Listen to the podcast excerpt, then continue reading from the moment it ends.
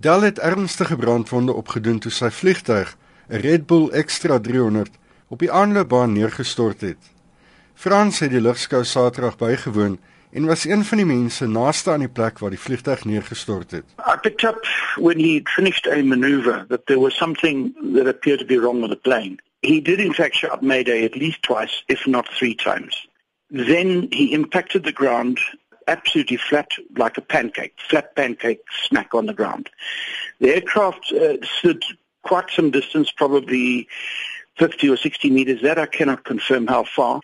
Approximately three to three and a half minutes, it lay absolutely stationary, just with dust settling. There were no flames. And then the first flames started coming up. Frans sê die vliegtuig het eers na so wat 3 minute aan die brand geslaan. Then once the flames started, they quickly uh, gathered ferocity and we were all shouting, where's the fire department, where's the fire department? The fire engine arrived approximately five minutes later. And this is where the question comes in. Why was the fire engine not on the correct side of the field where it should have been? And secondly, why did it take the fire engine so long to actually reach the accident site? Then when the fire engine arrived, clearly the four men on that fire engine, there may have been a fifth, but I counted four. They were completely unprepared. They didn't have their fire suits on. They didn't know what to do. They first started spraying water, which is the very worst thing you can do in a petrol fire. They then eventually started spraying foam, and it took about 11 minutes from the initiation of the accident to bring the fire under control.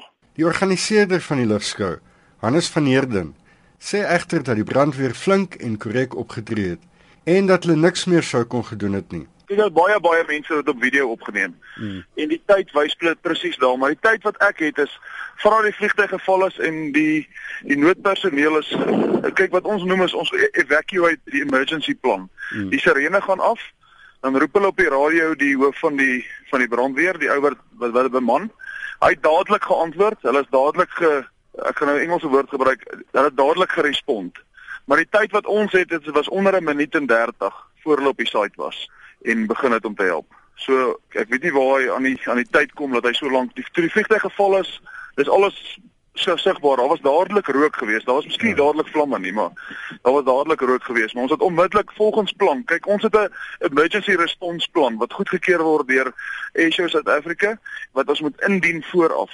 Het ons 'n hele paar eh, dokumente wat ons moet invul. Al daai goed is ingegee, alles is ge-approve alles volgens plan. Al ons briefings is gedoen voor die tyd en alles het volgens plan verloop. Dis wat ek kan sê daarvan. Volgens van Heerden het die burgerlugvaart owerheid reeds met hulle ondersoek na die ongeluk begin en die wrak verwyder vir verdere toetse.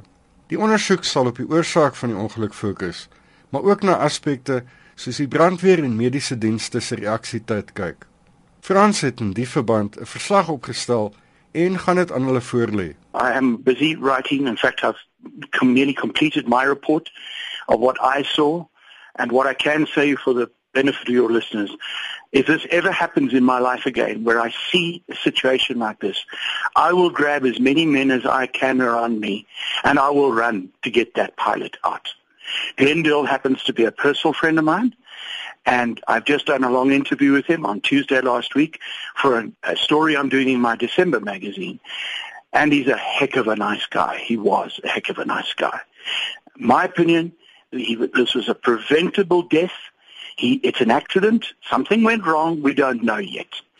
But he, it was not life-threatening. The fact that he survived the fire, survived the helicopter ride all the way to the Mediclinic in Secunda, and then survived a second helicopter flight all the way to Sunning Hill Hospital, shows me that it was survivable. Dit was Ethel Frans 'n goeie vriend van die lugtoertjie vlieënier, Glenn Dull, wat Saterdag by die Sekunda lugskou neergestort het. Ek is Hendrik Martin in Johannesburg.